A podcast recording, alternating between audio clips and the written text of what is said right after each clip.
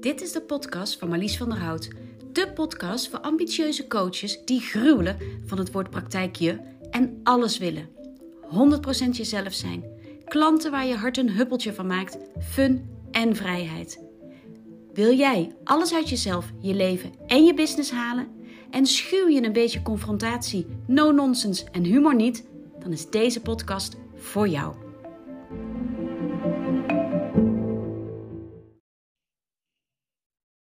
Het was 1995. En ik zat in de collegebanken aan de Universiteit in Utrecht. Het was begin januari. En om mij heen super enthousiaste studenten. En ik hoorde ze allemaal één voor één zeggen: Ik kan niet wachten totdat we voor de klas mogen. En ik dacht alleen maar: Ik kan niet wachten totdat dit jaar voorbij is. Ik wil liefst gewoon hier in die collegebanken zitten en heel veel leren, maar ik wil niet voor die klas. En een maand of twee later was het zover, mocht iedereen eindelijk voor die klas gaan staan. Dus ik ook. En zo kwam het dat ik binnen een paar weken dat ik was gestart,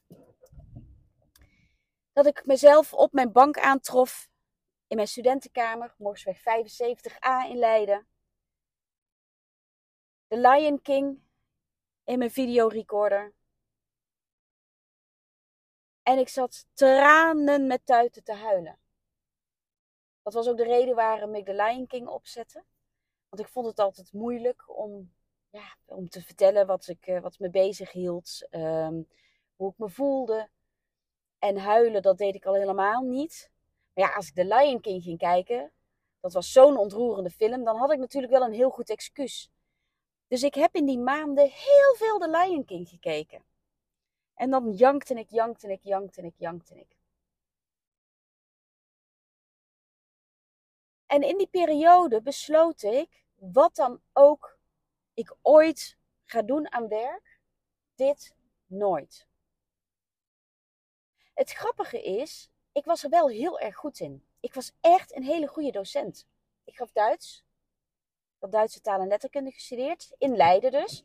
En ik ging de postdoctorale leraaropleiding in Utrecht doen. En dat was eigenlijk ja, een beetje een soort van zelfverdedigingsactie dat ik dat ging doen. Omdat ik dacht, wat er ook gebeurt. Het is nou niet zo dat je met, als je Duits gestudeerd hebt, dat je dan gelijk weet wat voor baan je dan ja, wat er voor baan er op je ligt te wachten. Sterker nog, in die tijd, ik zei het net al, 1995, lagen de banen niet op je te wachten. Dus ik deed die opleiding ook een beetje als een soort van zelfverdediging. Hè, met het idee dat wat er ook gebeurt, ik heb dan altijd werk. Want in het onderwijs is er altijd werk te vinden. En omdat ik ergens dacht, heel grappig, vind ik dat achteraf als ik terugkijk. Dat ik dacht van ja, als ik dan ooit een herintredende moeder zou zijn, interessante, dan heb ik altijd werk in het onderwijs. En hetzelfde gold voor mijn um, beëdiging als tolkvertaler. En dan moet ik heel eerlijk zeggen dat ik niet meer weet of ik die beëdiging nou direct na mijn afstuderen in Leiden heb gedaan of dat ik die na het behalen van mijn eerste graads lesbevoegdheid heb gedaan. Ik weet in ieder geval, bij één van de twee kreeg je toen de tijd, als je, ja, ik weet het niet meer, of het was als je eerste graads lesbevoegd haalde of als je je doctorandustitel haalde, dan kon je je laten beëdigen als tolkvertaler zonder dat je daar verder een vertaalopleiding voor nodig had. En dat deed ik toen ook met het idee, het leek me echt vreselijk saai om te gaan vertalen. Maar ja, weet je, als ik dan ooit om werk verlegen zit, dan heb ik in ieder geval dat papiertje. Als ik ooit een herintredende moeder zou zijn, dan heb ik die papieren. Dus ik deed dat echt, ja, als verstandige keuze. En het grappige is dat mijn allereerste baan, nadat ik mijn postdoctoraal had afgerond en dus voor de klas had gestaan, was mijn allereerste baan als tolkvertaler. En ik haatte het. ik vond het lesgeven echt. Ik vond die, die, die, die pubers. Ja, ik vond die interactie met die pubers, alles buiten het lesgeven, vond ik geweldig. De interactie in de klas vond ik in zo zekere zin vond ik ook geweldig.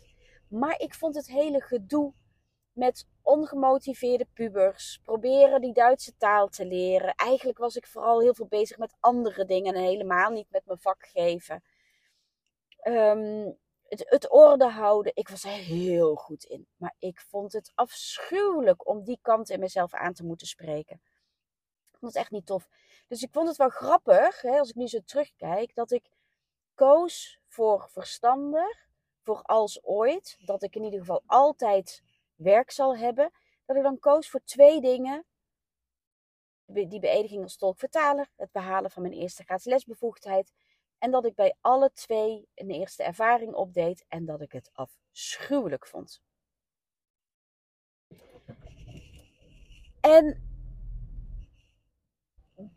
dat was ook het punt waarop ik besloot dat. Nou ja, eigenlijk is was het een besluiten. Nee, waarop ik me realiseerde dat ik heel beperkt had gedacht. Ik had Duits gestudeerd. Dus ja, weet je, wat kan je dan als je Duits gaat studeren? Ja, lesgeven of vertalen. Veel, veel meer opties zijn er niet, dacht ik. En ook al zei iedereen in die tijd, het maakt niet zoveel uit wat je gestudeerd hebt, hè, maar als je een universitaire opleiding achter de rug hebt, als je je doctoranderstitel hebt, dan ligt de wereld voor je open. Want je hebt een bepaald uh, denkniveau. Je je, nou, weet je, dus dat, dat was dat verhaal altijd. Hè? Dan kan je alles. En um, ik moet eventjes ruimte maken voor een auto. Ik sta natuurlijk weer eens in de file. En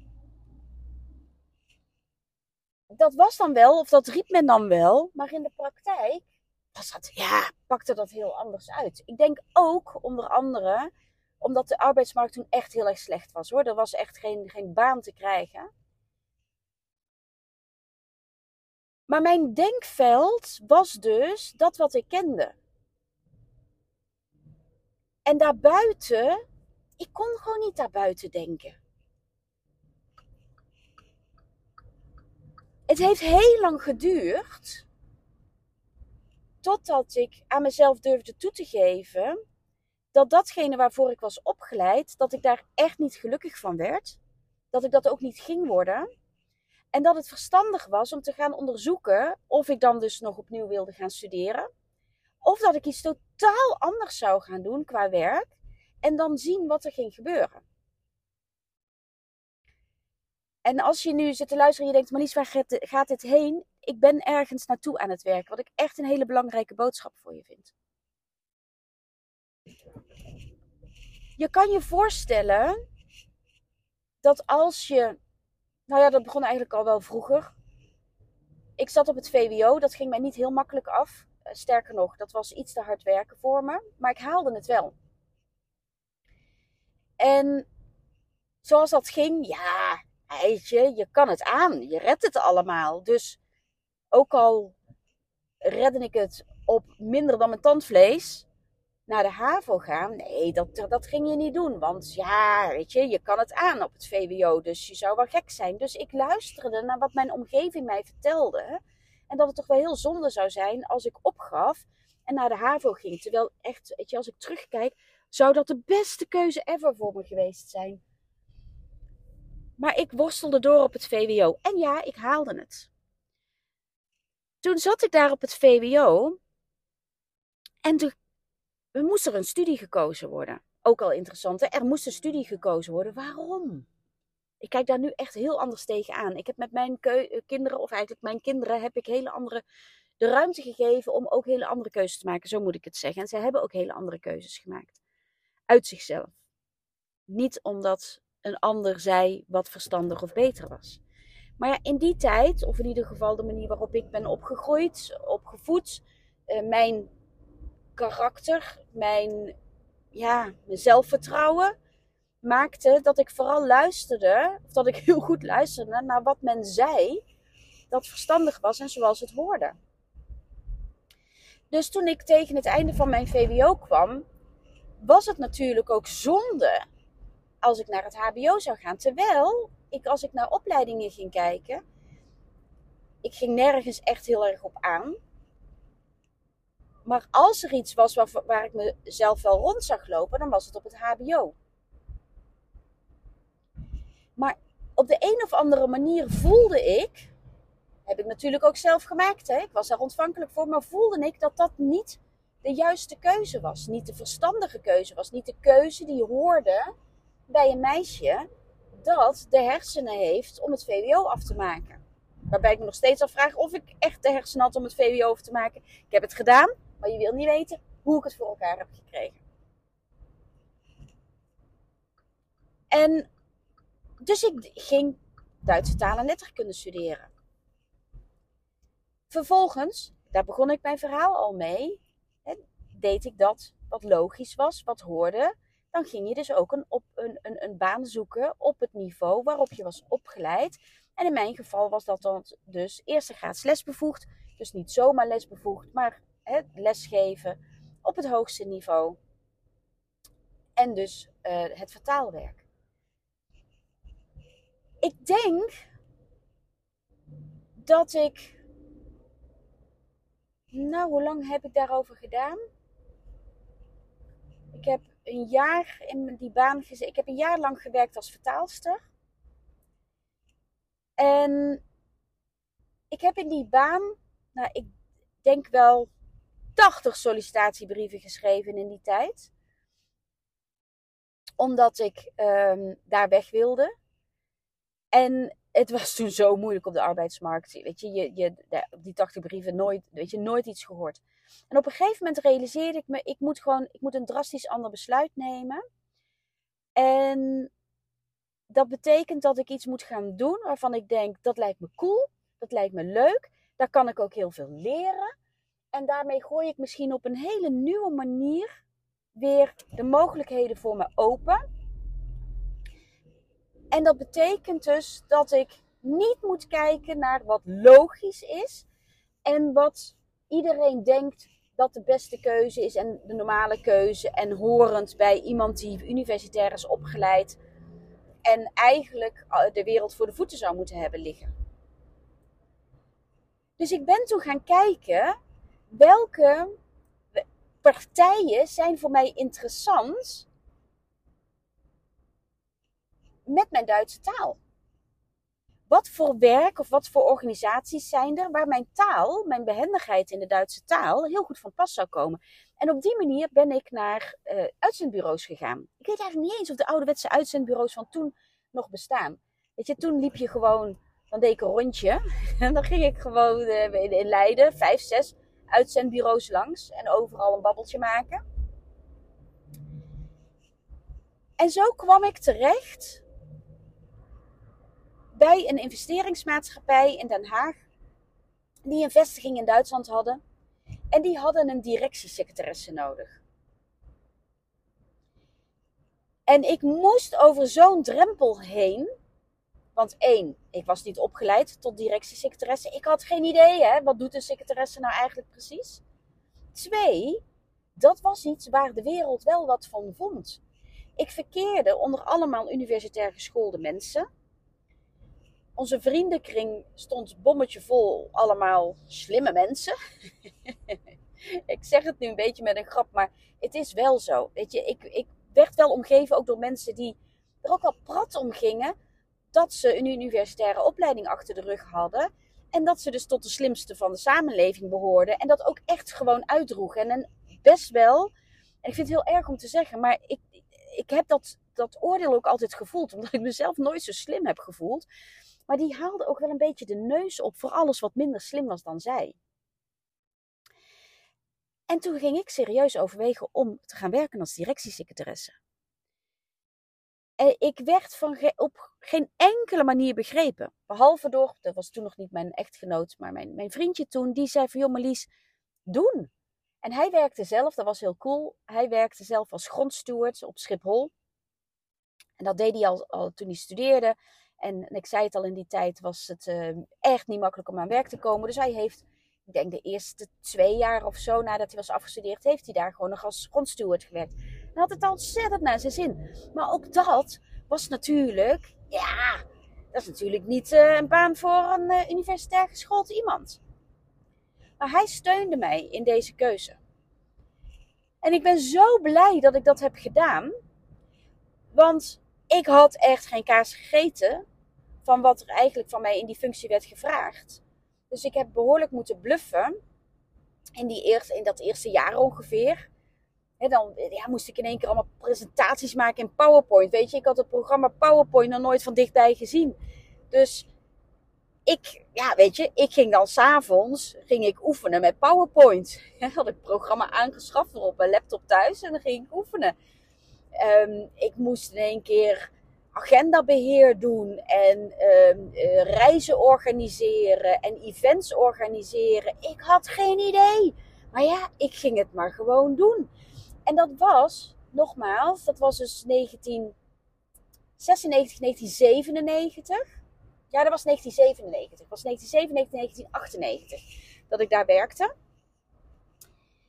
Um, dat was in de opkomst van internet. Dus als je een reis moest boeken, dan deed je dat niet via het internet. Hè? Als je een locatie moest hebben voor een event dat je organiseerde en je had toffe um, activiteiten nodig, dat vond je niet op het internet. Dat ging allemaal nog op, ja, ging allemaal offline. Dat, ik kan me zelfs niet meer herinneren hoe ik, klinkt echt heel erg zo, echt in de dark ages. Maar achteraf gezien heb ik daar dus echt bewondering voor.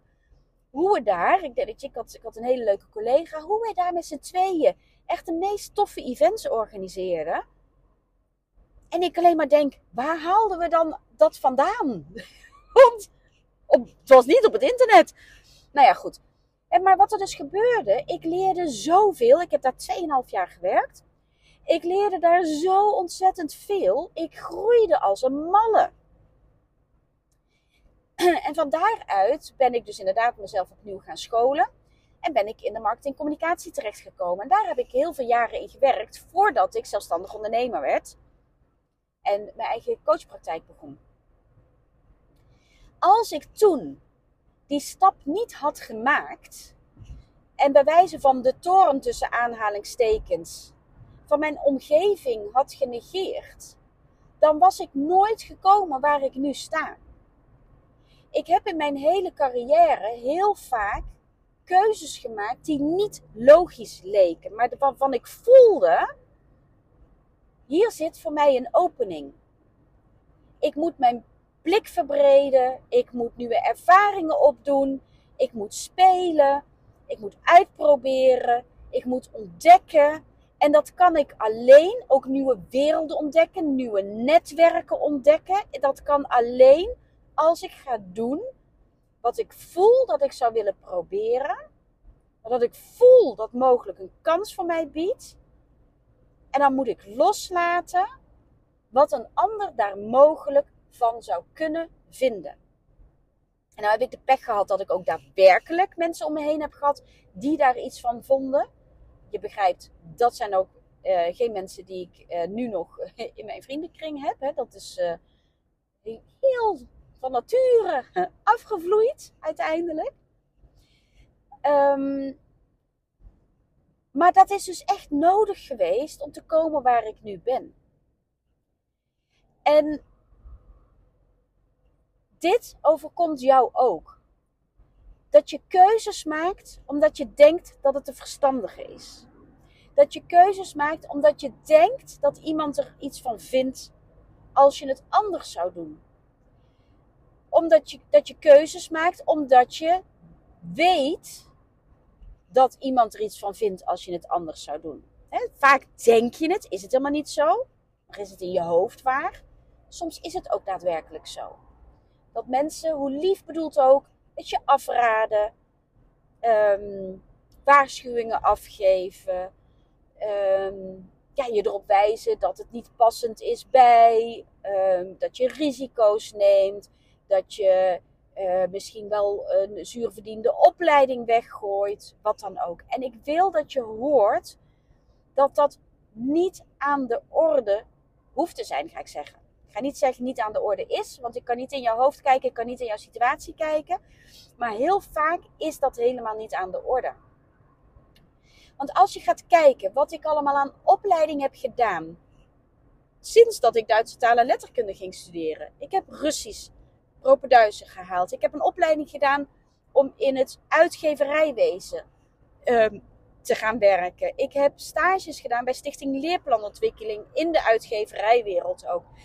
Ik heb opleidingen gedaan in de marketing communicatie. Ik heb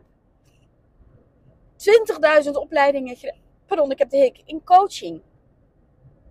Ik heb zo ontzettend veel gedaan. En in coaching heb ik zo ontzettend veel uiteenlopende. Oh, ik heb echt heel erg de hik. Technieken mijn eigen gemaakt. En 90% daarvan gebruik ik niet. Maar 100% daarvan maakt de persoon die ik vandaag ben, met alle kennis die ik heb, met alle ervaring die ik heb, met alle lef die ik heb ontwikkeld, omdat mijn rugzak zo ontzettend gevuld is. En dat maakt dat wat ik nu doe zo spot on is, zo kloppend is voor wie ik ben, kloppend is bij mijn klant en vele malen diepgaander dan het ooit had kunnen zijn als ik een rechtstreekse route had gekozen. En je hebt misschien meegekregen dat ik nu tijdelijk lesgeef op het MBO als docent ondernemen. Het is met een maandje verlengd. Dus uh, eh, 1 februari start de nieuwe vaste docent. Dus tot uh, februari uh, vervul ik die klus. Super tof om te doen. En wat ze daar niet hadden verwacht, gebeurt. Leerlingen die heel lang niet in die lessen zijn komen opdagen, die komen nu opdagen. Zelfs van de week toen ze toetsweek hadden en ze officieel geen les hadden, stonden ze er ineens. Ja, in het rooster stond dat we gewoon ondernemen hadden. Dus we dachten, we komen maar. Echt. En dat, dat mijn collega's stonden te kijken. Wat heb je gedaan? Dat ze naar school komen alleen maar voor jou. Terwijl het, het was helemaal niet zo. Ze hadden geen les. Goed, ik heb toen natuurlijk wel les gegeven. Ik was er gewoon, dus uh, we zijn aan de slag gegaan samen. maar ik ben nog steeds heel goed in het lesgeven. En nu vind ik het overigens echt super cool om te doen.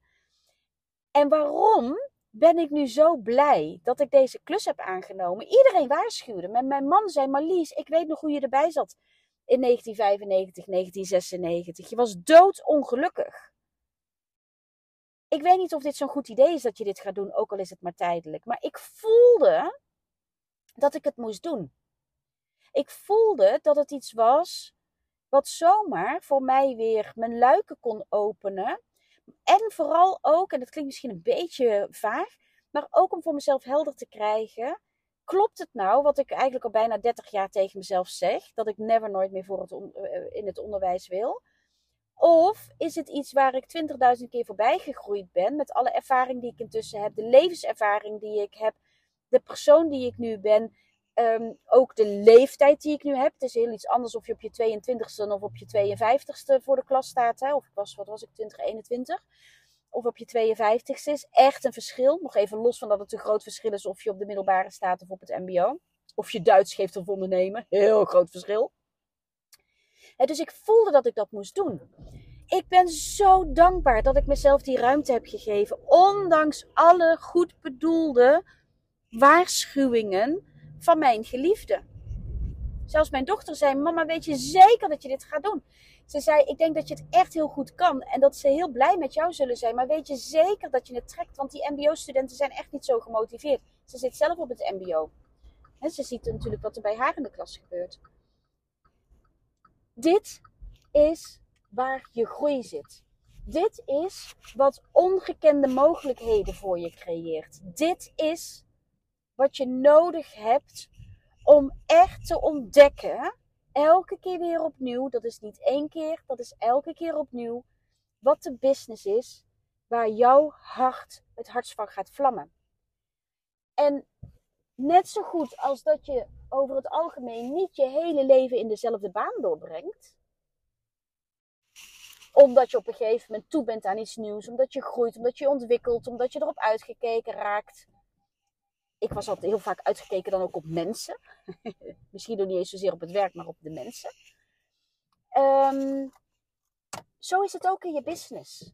Het is helemaal niet raar om in je business af en toe weer een hele nieuwe keuze te maken. Om, ehm, ja, om, om weer te ontdekken, om weer te voelen dat je toe bent aan een volgende stap. Dat is helemaal niet raar. Dus geef jezelf nou alsjeblieft die ruimte. Geef jezelf die ruimte om te denken voorbij, wat zal men wel niet denken? Is het niet zonde van die, nou in mijn geval, dat ik twee jaar heel druk ben geweest met uh, opleiding in de reflexintegratie en dat ik daar nu niks mee mee doe. Dat mag je loslaten. Al die kennis, die gebruik ik nog steeds op een totaal andere manier. Het maakt ook dat het voor um, coaches die met reflexintegratie werken of willen werken in een praktijk, bij mij uh, aan het juiste adres zijn, omdat ik met ze mee kan denken over hoe je dit heel mooi in trajecten kan gieten, omdat ik de methodiek ken. En dat geldt voor heel veel andere methodieken ook. Dus en mijn, mijn coaching gaat veel verder dan een paar businessstrategieën. Ik kan echt met je die diepte induiken. Van hé, hey, wat heb je nou eigenlijk allemaal aan, methodieken? En um, wat heb jij in je rugzak? Waar, op welke manier zou je dat nog kunnen combineren met elkaar? En wat heb je nog nodig ter aanvulling om ervoor te zorgen dat je echt het ultieme aanbod maakt? Omdat ik de markt zo goed ken. Omdat ik zelf zo ontzettend veel in die opleidingen heb gedaan. Dus niets is verloren. En nog een klein stapje verder daarin is net zo goed als dat je soms geen keuzes durft te maken anders dan anders, omdat je denkt dat mensen daar iets van vinden. Hetzelfde geldt voor je zichtbaarheid. Hetzelfde geldt voor, uh, ja, dat is dan ook anders dan anders. De manier waarop jij je coaching doet, de manier waarop jij jezelf profileert, de manier waarop jij je aanbod presenteert, de manier waarop jij je aanbod invulling geeft aan je aanbod durf dat te doen op een manier waarvan jij voelt dat het voor jou kloppend is, ook al doet iedereen het op een andere manier. Wat nu? Ik zei het er straks nog tegen mijn dochter. Zij, dat is misschien wel een mooi voorbeeld. Zij doet een opleiding um, fashion en specialisatie tailor. Dus dat betekent dat ze echt, oh, zij leert zulke mooie dingen maken. Ze is nu een bomberjack aan het maken. Prachtig ding. Hierna gaat ze een mantel maken. Ze is een jurk aan het maken. En, um, en zij, zij ontwerpt heel graag. Hè, dus ze zit graag achter de naaimachine en ze ontwerpt heel graag. Maar ze heeft niet gekozen voor de specialisatie ontwerpen, omdat dat allemaal achter de computer gebeurt. En zij houdt van met de hand tekenen. Dus zij baalt daar enorm van. Uh, want ze vindt ze teler hartstikke tof. Ze vindt het echt heel fijn. Maar het aller, aller, allerliefste zou zij die combinatie maken van zelf ontwerpen met de hand en het maken achter de machine. En die combinatie die is er niet. Want alles wordt digitaal gemaakt. En ik zei tegen haar, weet je, nu in opleidingenland is dat een dingetje. Hetzelfde geldt hè, met, met haar uh, liefde voor tekenen, dat het een logische keuze had kunnen zijn om haar naar de grafische school te gaan. En dus te leren ontwerpen. En dan ontwerpen van logo's of huisstijlen, dat soort dingen dat was voor haar geen goede keuze geweest, omdat dat er allemaal digitaal gaat. Maar als zij straks haar opleiding heeft afgerond en zij blijft nu tekenen met de hand, dus ze, want bij Taylor hoeft ze maar heel weinig achter de computer te doen, dus zij tekent gewoon lekker zelf thuis.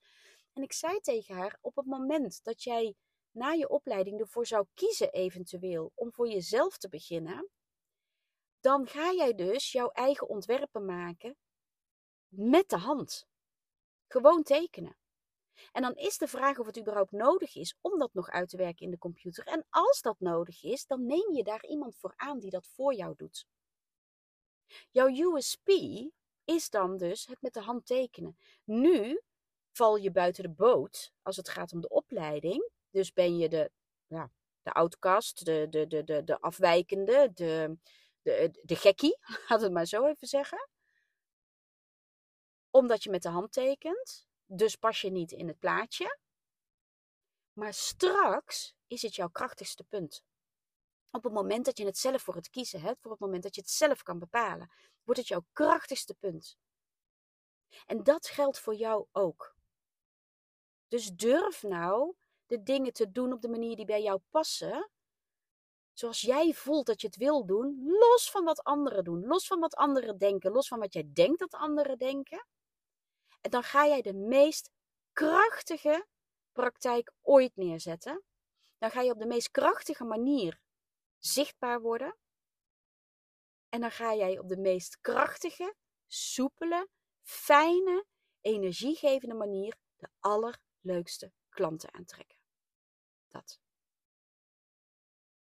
Het begint dus allemaal bij de moed om voor jezelf te kiezen, bij de moed om jezelf te zijn, bij de moed om je eigen keuzes te maken. En al die stemmetjes in je hoofd te dempen, de mond te snoeren. Nou, als je dat wil, je weet dat je daarvoor bij me terecht kan. Je weet dat je bij me terecht kan om te brainstormen over die ultieme business van jou, hoe we die vorm kunnen geven. Het allerbelangrijkste vind ik om nu tegen je te zeggen: ga nou eens voor jezelf na. Waar laat ik mijn oren nog te veel hangen naar wat ik denk dat hoort, dat ik denk dat moet, dat ik denk dat mensen van mij verwachten, um, of ja, wat, wat, wat, wat mensen denken dat, dat ik maar beter niet zou kunnen doen. Um, en wat kun je dan vandaag nog anders doen, zodat je een stapje meer zet richting die business 100% jezelf. Dat is wat ik vandaag met je wilde delen. Ik wens je een hele, hele, hele fijne dag en we spreken elkaar snel. Tot dan.